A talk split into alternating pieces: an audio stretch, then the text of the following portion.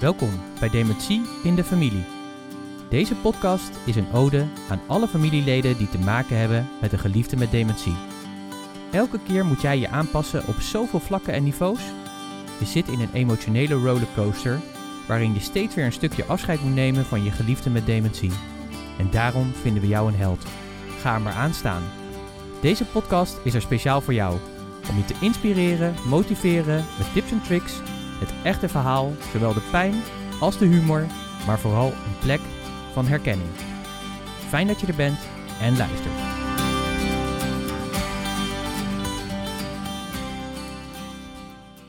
Welkom bij de Dementie in de Familie podcast met deze keer als thema Kerst met dementie.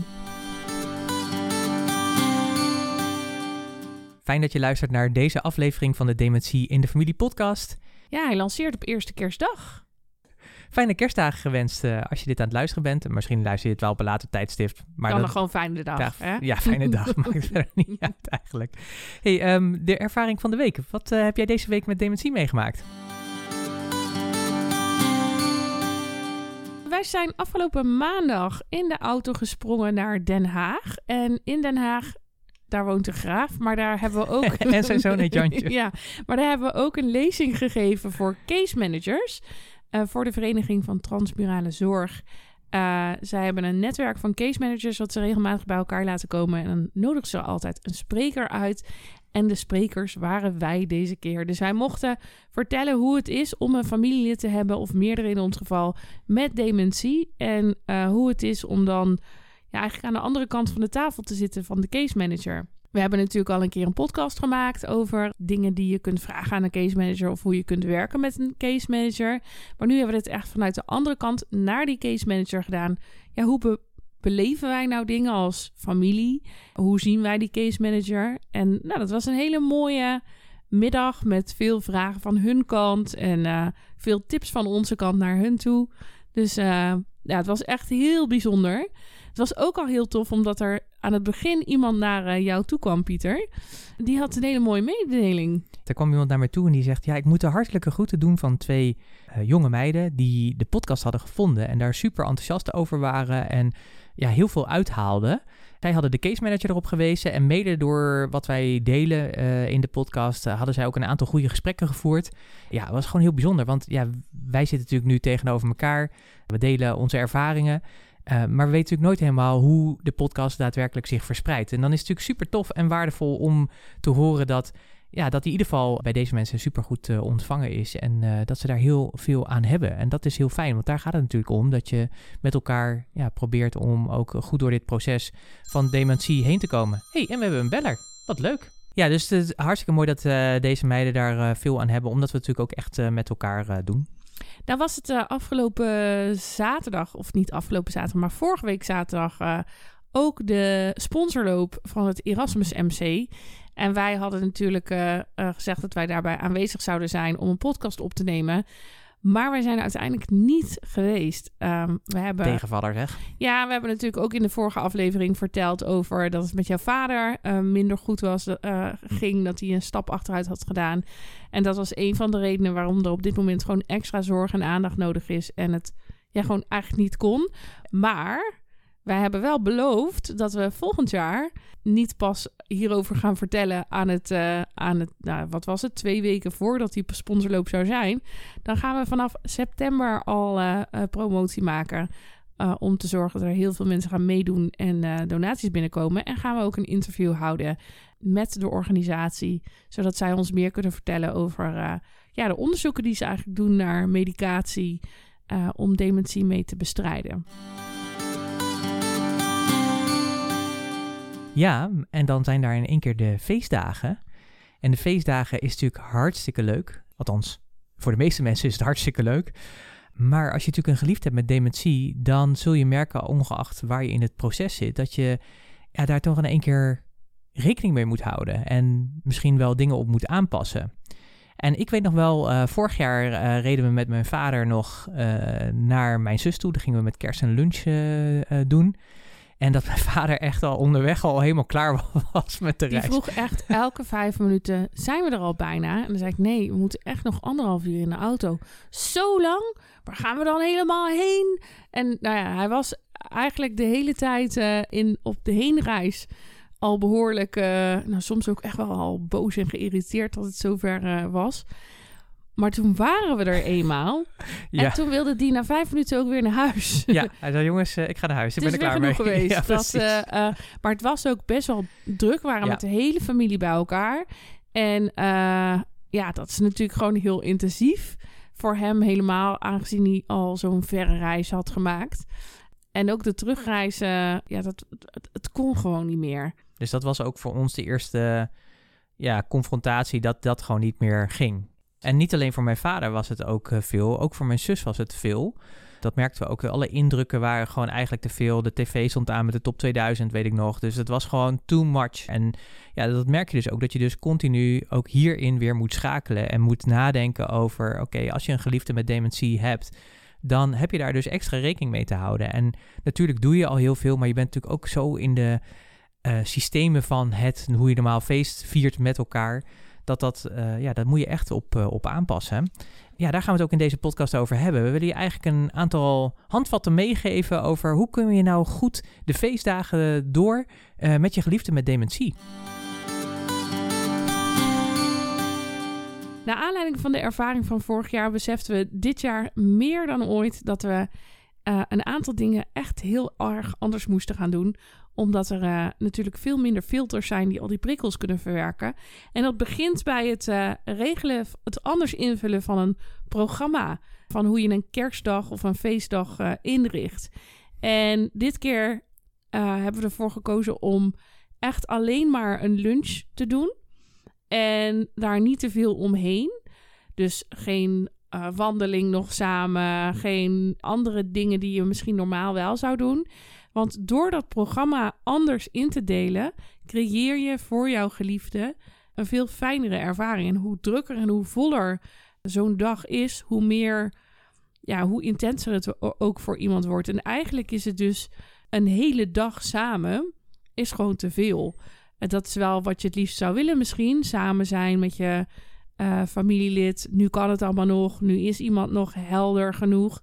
Maar ja, zo'n programma mag echt korter dan dat je het normaal doet. Minder intensief dan je het normaal doet. Om te zorgen dat het eh, niet alleen voor de familieleden leuk is, maar ook voor jouw geliefde met dementie nog te handelen blijft. En waar je dus ook over mag nadenken, is dat de activiteiten die je normaal deed, en vaak is het dan zo natuurlijk, eh, althans bij ons is het zo, ik weet niet hoe het bij jullie is, maar bij ons is het dan vaak zo, lekker eten, veel kletsen met elkaar, eh, lekker bijpraten ook met iedereen. Alleen het nadeel is natuurlijk, als ik in ieder geval naar bijvoorbeeld mijn zus kijk, ja, die kan heel moeilijk gesprekken nog zelf volgen of starten of dat soort dingen. Dus het is natuurlijk ook belangrijk om dan te zorgen dat je niet alleen maar in je activiteiten bezig bent met gesprekken omdat dat gewoon te intensief ook voor die ander is. Waar je ook over na zou kunnen denken, is dat je bijvoorbeeld eh, wat spelletjes gaat doen. Of wat spelletjes, maar dat een onderdeel van het programma een spel zou kunnen zijn. Eh, bijvoorbeeld een puzzel. En naast een puzzel of dat soort dingen zou je natuurlijk ook kunnen kijken naar... zijn er eh, oude video's die je zou kunnen bekijken... of een hele rustgevende natuurfilm die je aan zou kunnen zetten. Dus niks heftigs. Geen eh, eh, hele aanwezige films, maar een hele mooie rustig film... kan natuurlijk ook onderdeel ervan zijn. Dan heeft iemand zelf ook de mogelijkheid om een beetje uit te zoomen... als hij of zij daar behoefte aan heeft denk in ieder geval bewust na over hoe deel je die dag nou eigenlijk in. En als je de kans hebt, ook prima om eventjes een klein rondje te gaan lopen, even naar buiten te gaan en te zorgen dat, eh, ja, dat de prikkels weer een beetje op een andere manier verwerkt kunnen worden. Ja, ik denk dat het belangrijkste is om natuurlijk gewoon mee te bewegen. Want kijk, voor elk, elk eh, familielid met dementie zal het anders zijn. En, En in de iedere fase is ook weer anders. Is ook weer anders inderdaad, maar ik denk dat het wel belangrijk is om die rustmomenten te plannen. Het kan gewoon soms even te veel zijn en dan is het ook helemaal niet erg om eventjes met iemand even apart te zitten of gewoon, eh, het kan ook zelfs zijn, mijn vader die ging altijd smiddags even slapen bijvoorbeeld, dat hij even gewoon weer op adem kon komen en zijn lichaam kon herstellen en zijn hersenen rust konden krijgen. Dus wat er voor nodig is. Maar het kan misschien wel zijn dat ja, als je een zeven gangen diner bedacht had, dat je ja, daar wat flexibeler mee om moet gaan. Dus je moet ook denk ik over nadenken van, is dat handig? Naast heel veel dingen die je niet moet doen, zijn er natuurlijk ook dingen die je heel goed wel zou kunnen doen. Een van die dingen is heel erg vasthouden aan de tradities die er vroeger al waren. Binnen het gezin bijvoorbeeld rondom kerst. Alles wat teruggaat naar vroeger roept vaak enige vorm van herkenning op. Dus als je kerst altijd op een bepaalde manier vierde, bijvoorbeeld door met z'n allen een wandeling te maken of met z'n allen naar de kerk te gaan of op met z'n allen cadeautjes uit te pakken, wat dan ook jullie echt traditie was rondom kerst. Probeer die traditie zoveel mogelijk vast te houden, want die structuur geeft ook rust. De herkenning geeft ook rust. En hoe meer je denkt, oh, we moeten het nieuw en flitsend en, uh, en mooi maken, hoe meer onrust dat ook geeft. En ja, die onrust, die wil je nou net op zo'n dag als uh, uh, vandaag rond kerst niet hebben. En als je met elkaar gaat eten, ja, denk dan ook na over het menu. En dat is ook wel weer grappig? Uh, want we hebben natuurlijk wat research gedaan voor deze, voor deze podcast. we hebben natuurlijk onze ervaringen, maar wij leren natuurlijk ook elke, elke dag weer bij. Dat we ontdekten dat er dus ook bij de menu-samenstelling ook dingen zijn die slim zijn om te doen, zodat het voor iedereen uh, een hele fijne ervaring gaat worden. Ja, als ik alleen al nadenk over wat we bij jouw zus zien, is dat normale handelingen, zoals eten, steeds moeilijker worden. Dat uh, het eten van een boterham of hoe doe je dat precies, volgorde van dingen. Um, ja, dat is gewoon niet meer zo logisch als dat het vroeger was. Net als eten zonder knoeien of snijden van ingrediënten of heel vaak kauwen op iets. Het zijn allemaal dingen die voor ons zo normaal zijn, maar op het moment dat je hersenen letterlijk afbreken, uh, worden dat steeds minder normale dingen. Dus kijk of je in je menukeuze bijvoorbeeld kunt gaan voor zachtere gerechten of uh, uh, vooraf gesneden dingen. Wat je ook wel vaak ziet, is dat zie je bijvoorbeeld bij jouw vader op de afdeling ook, dat er regelmatig mensen met een schort aan tafel zitten. Wat je niet wil doen voor je geliefde, is die persoon uh, alleen een schort geven. Want dan, kijk, ze worden al anders behandeld. Hè? Wij denken soms dat we dat niet doen, maar onbewust voelen ze toch wel dat er, uh, dat er dingen anders zijn geef nou iemand niet een schort voor, maar geef iedereen bijvoorbeeld een extra grote servet. Zodat iemand zich ook niet anders behandeld uh, voelt. Maar uh, uh, ja, zorg wel dat, dat zo'n servet voorhanden is. Want ook gewoon normaal eten met bestek of gewoon ja, eten zoals je dat vroeger deed, is ook niet meer zo normaal. Dus ja, probeer daar ook echt op te letten en probeer te vermijden dat je iemand helemaal een speciale behandeling geeft, geef dan iedereen een ander menu. geef iedereen hetzelfde zoveel mogelijk, zodat je ook echt met elkaar die beleving heeft. En gaan, als iemand dan toch bijvoorbeeld het eten gaat snijden voor jouw geliefde, zorg dan dat je geliefde gewoon aan tafel zit naast een persoon waar die op dat moment echt een hele goede band, een vertrouwensband mee heeft, zodat het ook ja, zodat dat ook veilig voelt voor je geliefde. En dat hij niet denkt, uh, wat overkomt me nou? Of dat hoeft niet, want ik ben toch geen klein kind. Of, want dat, uh, die reacties gebeuren ook op het moment dat, het, ja, dat, dat jouw geliefde gewoon naast iemand zit... bij wie die zich heel erg op zijn gemak voelt... dan zal ook dat veel natuurlijker verlopen. En dan is er ook gewoon altijd iemand om even extra op te letten... of even mee te gaan naar het toilet indien nodig. En ja, dat maakt het gewoon het, het eten van een maaltijd... voor iedereen alweer wat meer ontspannen. Ja, en muziek zou ook, uh, is ook iets om over na te denken. Het kan zijn dat muziek soms heel erg juist helpt, maar het kan ook zijn dat het juist weer niet helpt. En daar moet je altijd een beetje een afstemming in vinden. Misschien is het goed om na te denken of je muziek op de achtergrond laat spelen, of dat dat aanwezig is. En zo ja, wat voor muziek is het dan?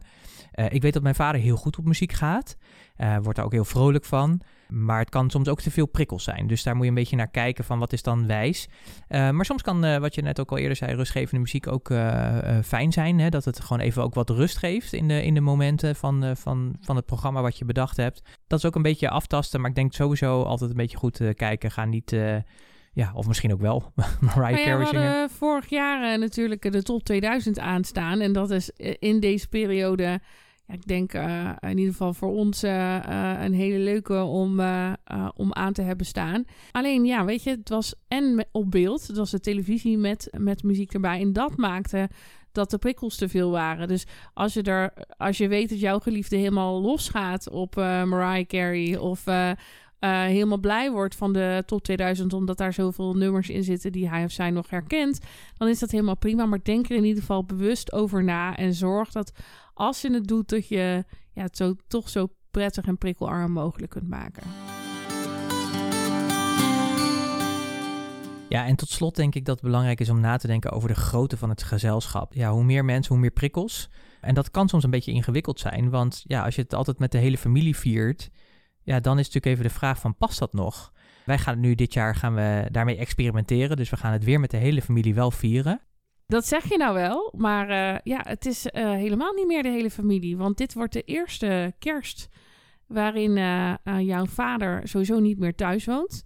Maar ook de eerste kerst dat we hem niet in de auto meenemen naar het westen van het land waar we het vieren, zodat jouw zuster wel nog bij kan zijn. Ja, daar heb je helemaal gelijk in, inderdaad. Dat is ook zo. En het is sowieso een beetje een rare kerst, want van de week testte mijn moeder positief op corona, dus of COVID. En uh, ja, dat is voor haar ook heel sneu, want dat betekent dat ze niet alleen het eerste jaar is dat ze, uh, de eerste kerst is dat haar man niet meer thuis is of woont, en uh, ja, dat ze helaas ook niet uh, bij de kerstactiviteiten uh, kan zijn, omdat ze nog in quarantaine zit. Dus, en dus dan is ze echt alleen met kerst? Echt alleen met kerst, ja. Ja, ja heel, heel, heel sneu. Dus we gaan wel kijken of we bijvoorbeeld kunnen videobellen met haar. Daar gaan we een heel, ook in het programma gaan we daar... een heel schema, schema, schema voor maken, ja. om toch te zorgen dat ze er een beetje bij is. Maar los daarvan, alsnog ja. groot gezelschap.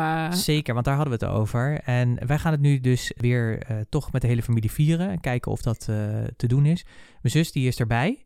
Uh, maar we hebben ook gezegd van ja, waarschijnlijk zal zij na een uur, anderhalf uur toch ook weer teruggaan naar haar huis. En dat hebben we ook gezegd van ja, als het klaar is, dan is het ook gewoon klaar. En dan is dat ook prima. Het gaat ook om dat we het moment zeg maar met elkaar hebben. En het gaat niet om de lengte van het moment, maar het gaat om de kwaliteit van het moment. En ik denk dat dat een hele belangrijke is. Waar je vroeger misschien dacht, oh het moet zo lang mogelijk. Gaat het nu om de kwaliteitstijd die je samen hebt en niet de kwantiteit. Dus het hoeft geen uren te zijn, al heb je maar een uurtje met elkaar en is dat een heel mooi uurtje, dan heb je ook alweer een mooie herinnering met elkaar eh, gecreëerd. Daar zei je dat dit de laatste was, maar ik merk dat ik toch, uh, als je... Heb je nog een bonus? Ja, als je denkt aan kerst uh, en feestdagen, dan zijn er mensen... Jij zei namelijk aan het begin van, uh, nou, dat het altijd meestal heel leuk is. Maar als er ook één ding is wat veel gebeurt... en met name aan de kersttafel ja, gebeurt, zeker is waar, ja. discussiëren. En wat er ook gebeurt als je te maken hebt met een geliefde met dementie, is corrigeren. Wat wij niet tijdens kerst, maar op een ander moment heel erg merkten met jouw vader bijvoorbeeld, is dat wij een keer een discussie hadden en dat jouw vader, die werd uh, heel stil en verdrietig, want die dacht dat we echt hele erg ruzie aan het maken waren. Terwijl we gewoon een gepassioneerd gesprek voerden over, uh, nou ja, met twee verschillende kanten ergens over. Dus ook al is kerst misschien een kans om uh, wel even die discussie aan te gaan met mensen, kijk gewoon uit, want jouw geliefde voel, voelt heel veel. Voelt dat de spanning om te snijden is. Of voelt dat dingen niet helemaal harmonieus gaan. En begrijpt het niet. Dus begrijpt niet of er echt ruzie is of niet. Dus denk ook na over. Als je met elkaar aan tafel zit, bijvoorbeeld, hoe vul je die gesprekken dan in?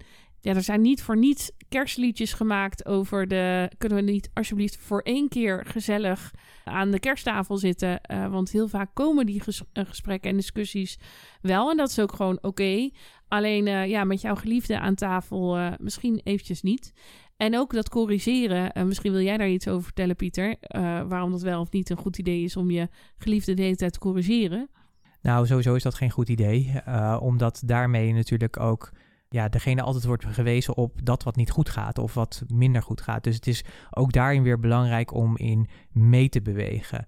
Natuurlijk wil je het beste voor die ander, maar de ander moet je ook, ja, is denk ik ook belangrijk om die ander gewoon in zijn waarde te laten. Dus als het betekent dat, ja, uh, mijn vader bijvoorbeeld, die uh, had op een gegeven moment een periode dat hij ja, gewoon dingen met zijn handen begon te eten. Ja, dat kon natuurlijk niet, hè? dat uh, waren we natuurlijk niet gewend. Maar op een gegeven moment moet je ook gewoon dan maar de persoon met zijn handen laten eten. Ik denk dat dat ook de kunst is om van het meebewegen en niet eh, iemand eh, dan daar elke keer op wijzen van joh, je moet het aan de vork prikken. Want als dat gewoon niet, gewoon niet meer functioneert. En eigenlijk het allermooiste is dan ook dat jij ook met je handen gaat eten, zeg Ja. maar. Zodat het met elkaar net is of het de normaalste zaak van de wereld is. Ja, en dat blijft natuurlijk, dat blijft natuurlijk een beetje ook de boodschap in de podcast, afleveringen die we elke keer eh, doen. Elke keer is het weer meebewegen. Natuurlijk, kijk, soms moet er gewoon een correctie plaatsvinden, omdat het ook om de veiligheid van iemand gaat. Eh, het is altijd de toon die de muziek ma- eh, is, het meebewegen daarin, of de toon die de muziek ma- Maakt. ja. Maakt, hè, Ja, de niet toon is, die het muziek maakt. maakt. Ja. En eh, meebewegen is daar gewoon een hele belangrijke in.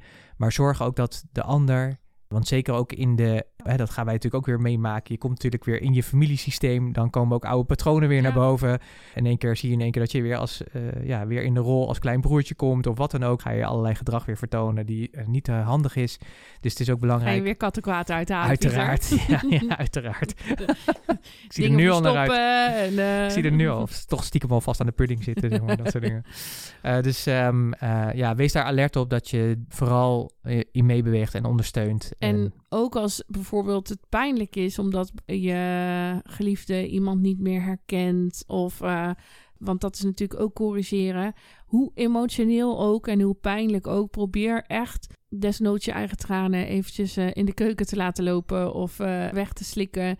Ga niet in dan ook nog de keiharde correctie met je, maar je weet toch wel dat dit nicht Jannie is of eh, ik, ben toch, ik ben toch je dochter of dat soort dingen. Pijnlijk is het sowieso al. Dus als je deze momenten die er nog zijn, ja, zo mooi mogelijk kan laten zijn, focus daar dan vooral op. En niet op wat er allemaal niet kan. En niet op allemaal wat er niet goed gaat. Want zo maak je het voor, ja, voor niemand leuker. En al helemaal niet voor jouw geliefde. En ik denk dat het belangrijk is om gewoon ook weer... Het is ook weer een herinnering die je maakt. Dus, Ja. dus wees daar ook bewust van dat dat ook een heel, heel kostbaar moment is eigenlijk weer... om ook die herinnering te maken. Een van de vele die zo belangrijk zijn. Dit waren een aantal handvatten die we je mee wilden geven. Het ging onder, onder andere over... maak een niet te druk programma... Eh, doe ook andere activiteiten dan eh, alleen maar gesprekken voeren. Plan natuurlijk rustmomenten in. Houd vast aan eh, tradities die heel erg belangrijk zijn en die elk jaar ook weer terugkwamen. Blijf die ook vooral doen. Denk na over het kerstmenu, over de gerechten die je serveert, het snijden, gelijke servetten, noem maar op. Allemaal die dingen waardoor het gelijkwaardig blijft. Muziek, soms wel, soms juist niet. Ga daar een beetje mee spelen, maar je kan denk ik wel inschatten of dat werkt. De grootte van het gezelschap.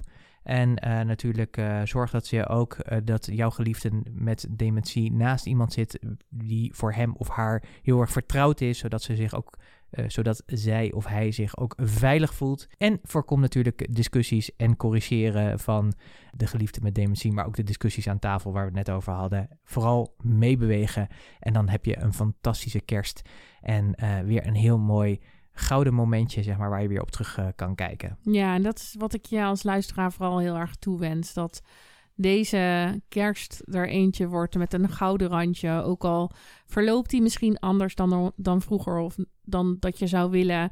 Ook al is het misschien de laatste keer dat je kerst viert met elkaar. Het is, het is toch weer een moment samen. En die momenten samen, dat, uh, ja, daar kijk je dan in ieder geval met heel veel liefde en plezier op terug. Dus we hopen dat je er uh, het mooiste van kan maken wat er binnen deze situatie mogelijk is.